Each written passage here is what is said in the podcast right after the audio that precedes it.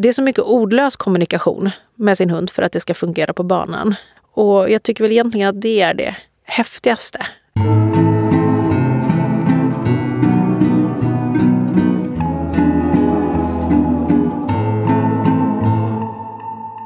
Dagens avsnitt sponsras av Country Pet som är varumärket för dig som gillar att kombinera funktion med klassisk engelsk stil för din hund. Speciellt populära är de tjocka sköna retrieverkopplarna som vi säljer även på kliniken. Om ni vill gå in på hemsidan countrypet.se så kan ni använda en fin kod som heter PODD.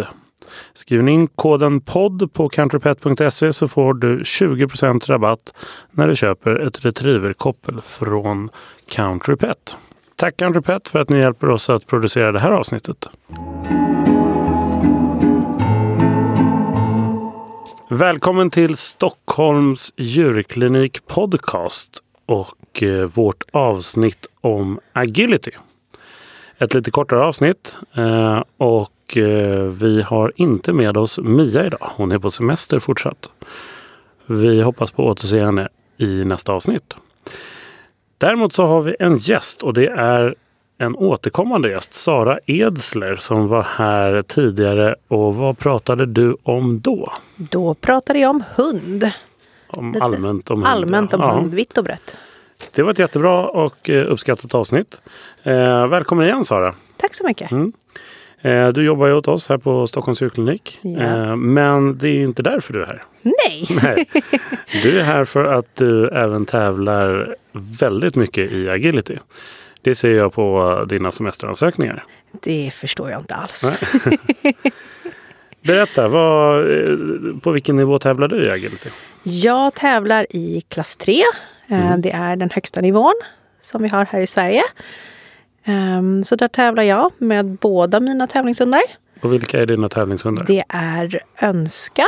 Det är min blandis på snart åtta år. Mm. Och sen är det Lycka som är en Berger de Pyrénées Hafasras Mm. på sex år. Och sen har du en liten eh, till sån här Pyrené. Ja, jag har ju Som- två till och med. Ja, just det. Som är eh, up and coming. Ja, precis. En på, hangarounds. precis. En på ett år och en på 14 veckor. Precis. Mm. Vad, vad är det för, alltså hur kom agility till? Var, var, var startades det och, och hur länge har det funnits i Sverige och sådär? Ja, eh, på 70-talet så dök väl agility upp som lite pausunderhållning på hundutställningar i England. Eh, och det var mycket uppskattat av publiken. Det såg väldigt annorlunda ut mot vad det gör idag. Men därifrån sägs i alla fall att sporten utvecklades, eller att det utvecklades och blev den sport det är idag. Eh, I Sverige började det väl dyka upp i mitten på 80-talet, väcktes intresset. Det blev en officiell sport i England i slutet på 70-talet tror jag. Och i Sverige så blev det väl, jag tror det var 1987 som det officiellt blev en sport i Sverige. Och sen dess så har det ju hänt hur mycket som helst. På, på hur, ja, hur sporten ser ut. Och hur Det- man tävlar? Och hur så, man och tävlar. regler. Precis. Men det ligger fortfarande under SKK på något sätt? Ja, det- ja, ja, det har fått en egen, en egen organisation som Mm. håller i agilityn, eh, SAGIC. Men den ligger ändå under SKK? Ja, Ja, till viss del. Precis. Hur många är aktiva i Sverige i agility? Hur, många, Ja, hur, hur kan an- man mäta det? Precis, vi brukar mäta det i antal starter. Mm. En start är ett lopp. Ett officiellt lopp. Ehm, och ja, det är väl en drygt 100 000 starter per år, Mm. tror jag vid senaste kollen ungefär. Så runt eh, tre till fyra gånger större än uh, rallylydnad som vi Ja. pratade om tidigare. Precis, det är, det är Och- en väldigt stor sport. Hur funkar agility då? Berätta för mig som inte kan någonting. Jag har ju sett lite grann när du har kört eh, filmer och sådär. Men eh, om du tänker att jag inte kan någonting om agility. Hur, hur går det till? Ja, eh, dels så tävlar man agility i två klasser. Man tävlar i agilityklass och i hoppklass.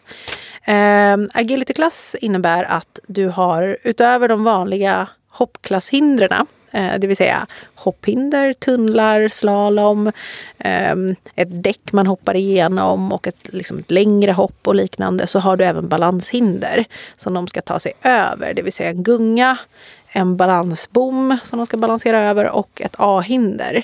Ehm, Vad är ett A-hinder? ett A-hinder det är som ett upp och ner på vänt V de ska ta sig över. Och det som väl är det svåra med de här balanshindren, det är egentligen inte att ta sig över dem eller förbi dem. Det är att på, längst ner på de här hindren så finns det ett fält i en annan färg.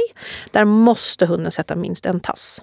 Och det här är någonting som agility-människor eh, spenderar många, många, många sömnlösa dygn åt att fundera på hur min hund ska lyckas lära sig det här. För det här är svårare än kärnfysik. Att få hunden att i hög fart ta sig över de här hindren och nudda det här lilla, lilla fältet med en tå. Det... Är, är fältet markerat med någon färg? Ja, det är en något? annan färg. Men okay. för hundarnas del så spelar det ingen roll. Alla hundar är övertygade om att det här fältet är brinnande lava och de gör sitt bästa för att hoppa över det. Så det här är väl ungefär det som är det svåraste med sporten skulle jag säga. Kontaktfält. Um, och i hoppklass så har vi inte balanshindren. Men vill man, om man kan välja om man bara vill tävla agilityklass eller hoppklass. Men vill man eh, komma upp i högre klasser, vill man ta sig till SM, vilket oftast är målet då, att kvalificera sig till SM. Då måste man tävla i båda. Mm. Och då måste man lära sig ta kontaktfält. Förstår. Ja. Och det här går på tid allting? Va? Ja, precis. Det är ju, förenklat så är det ju som en hinderbana. Domaren konstruerar en bana som består av x antal hinderpassager, vanligtvis runt 20 stycken kanske. Eh, man får eh, på förhand vet man ju ingenting. Man har sedan åtta minuter på plats eh, där man ban banvandrar. Eh, så man går igenom den här numrerade banan och bestämmer då vilken väg man ska springa med sin hund. Vad som är mest effektivt och vad som gör att man förhoppningsvis kommer i mål felfritt. Så det har man åtta minuter på sig att memorera banan. Eh, och därefter så, så kör man och det går på tid. Tiden startar när hunden passerar första hindret. Eh, och sen så kan man ju då antingen samla på sig fel eh, under loppets gång. Ehm, eh, fel... Och då blir det tidspåslag? Ja, precis. Dels så får du ju fel om du tar, eh, om du till exempel, om hunden tvekar inför ett hinder. Då bedöms det som en vägran, eh, vilket även ger fem fel räknat till totalpoängen. Eh, om hunden tar fel ingång i slalom till exempel eller går ur slalom så får du fel på det, fem fel. Eh, om de hoppar ett kontaktfält så är det fem fel. Om hunden utför ett slalom felaktigt om man springer vidare till nästa hinder och inte är då färdig med slalom, då blir man diskvalificerad. Mm. Och att bli diskvalificerad, i många sporter låter det som jättebrutalt, men i agility så händer det alla, jämt det, de flesta, man, man diskar sig betydligt mer än vad man tar sig runt en bana. Sporten, det går väldigt fort. Eh, det går på tid i snitt. Man tar sig igenom en bana på, beroende på hund och hastighet, men 30 sekunder. Mm. 40 sekunder på lite längre banor så är det slut.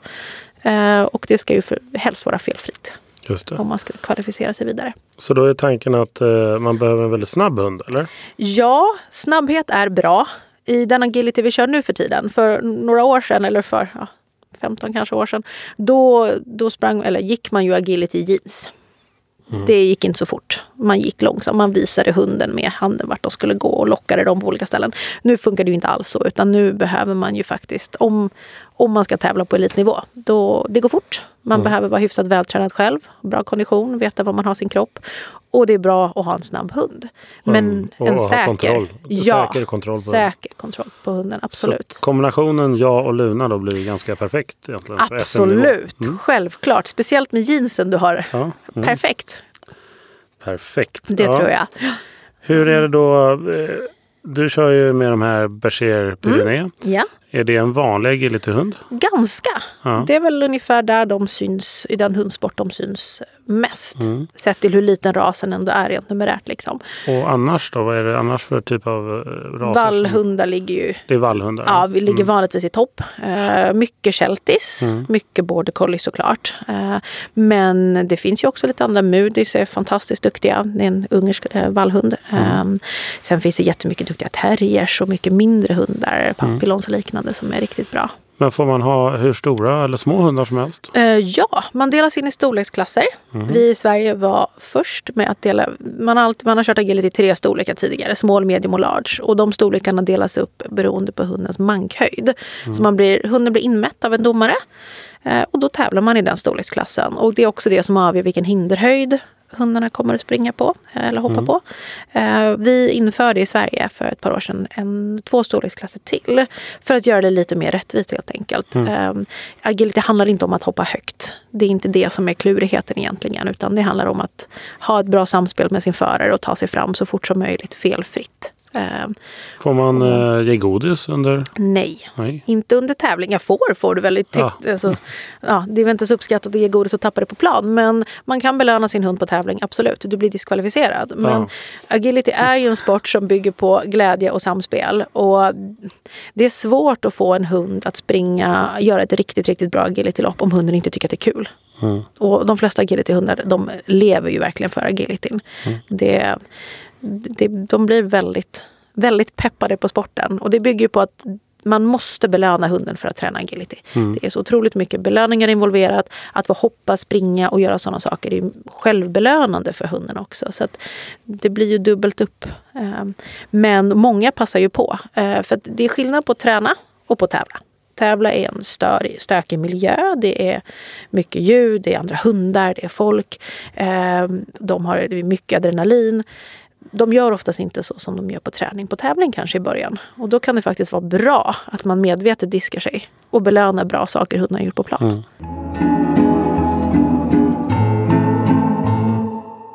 I, I Sverige då, om, om man börjar tävla så, så kommer man upp kanske på, ja, på din nivå eller ännu mer upp i SM.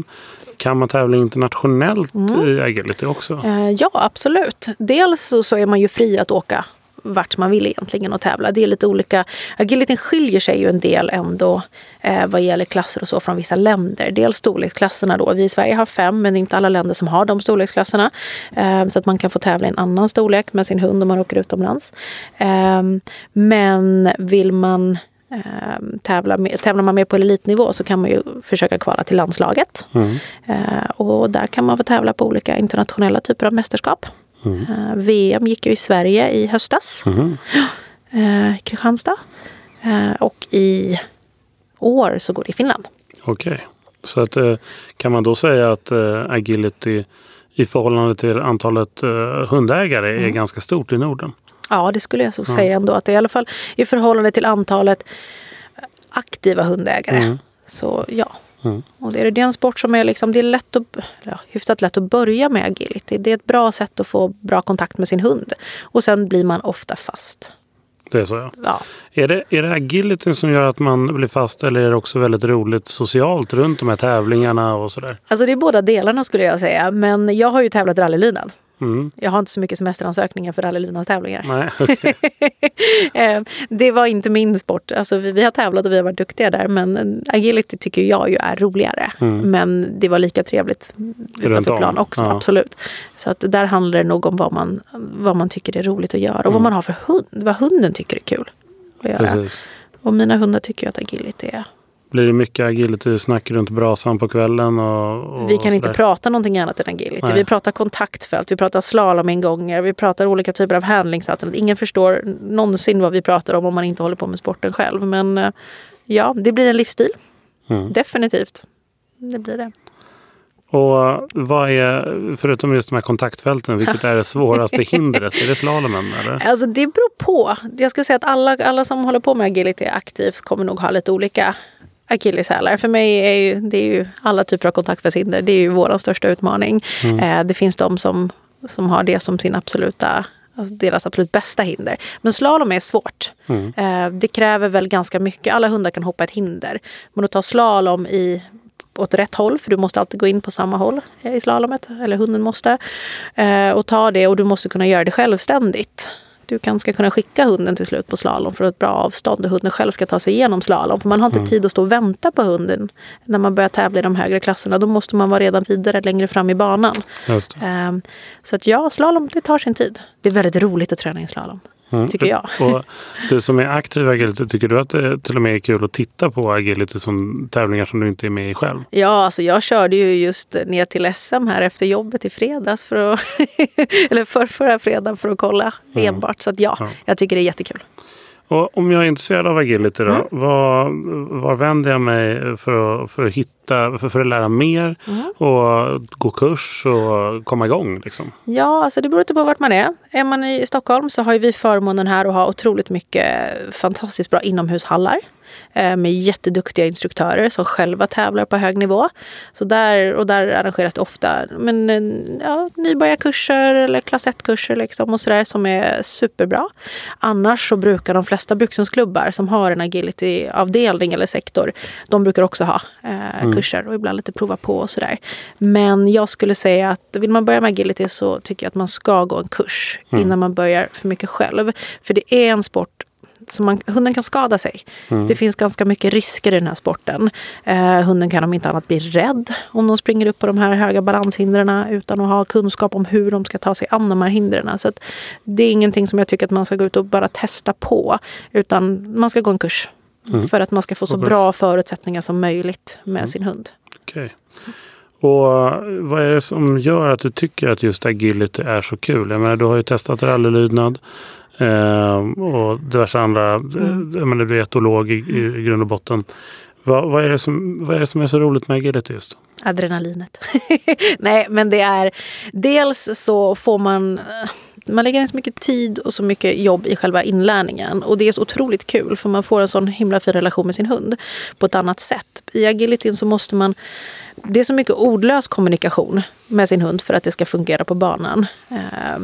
Och jag tycker väl egentligen att det är det häftigaste. Mm. Häftigast att stå i starten med, med sin bästa kompis uh, och höra visselpipan och sen kör man. Mm. Går det bra så är det ju jättekul. Går det inte bra så hittar man alltid någonting som har gått bra. Det gör vi alla agilityförare. Vi kan ha diskat oss på hinder nummer två, men vi kommer ändå hitta liksom någonting som var riktigt, riktigt bra. Och jag tycker väl att det är det, det roligaste egentligen. Mm. Hur dåligt det än går så finns det alltid någonting som man är nöjd över. Ja, men hunden satt ändå bra i starten.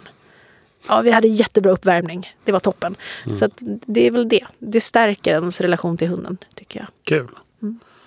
Ja, men vad Bra Sara, vad kul att få höra. Jag hoppas att det är många som, eh, som eh, har fått eh, blodad tand här nu av att lyssna på det här mm. avsnittet och gärna vill veta mer och börja träna och tävla agility. Låter mm. ju superspännande. Och det är ju bra både för ja, jag förstår att man både får kondition själv ja. och eh, bättre samverkan och samspel med hunden. Och hunden kan må bättre och eh, förebygga skador. Även om man nu kan skada sig på agility ja. så är det ju ändå en träning vilket gör att hunden kommer i det långa loppet må bättre. Ja, och agilityhundar behöver man hålla i god kondition. Liksom. Både både fysiskt och mentalt för mm. att det ska, de ska hålla i längden. Och jag tror att det gagnar hundpopulationen. Mm. Och oss människor som sagt. Jag har precis varit ute och sprungit hurtiga intervaller i skogen efter jobbet innan jag kom hit. Mm. hade jag aldrig gjort om det inte var för agilityn. Nej. Inte en chans. Då hade jag gått hem och ätit en pizza. Ja men det är bra. Det är gott det också. Tack för att ni lyssnade på det här avsnittet. Vi ska försöka ta in några fler olika grenar, eh, olika sporter inom hund och katt och eh, ta upp dem i kommande avsnitt av podden. Fortsätt att lyssna och prenumerera. Vi finns där poddar finns. Och eh, vår ständiga producent idag är Christian von Essen. Som vanligt, tack för det. Att du hjälper oss att producera den här podden.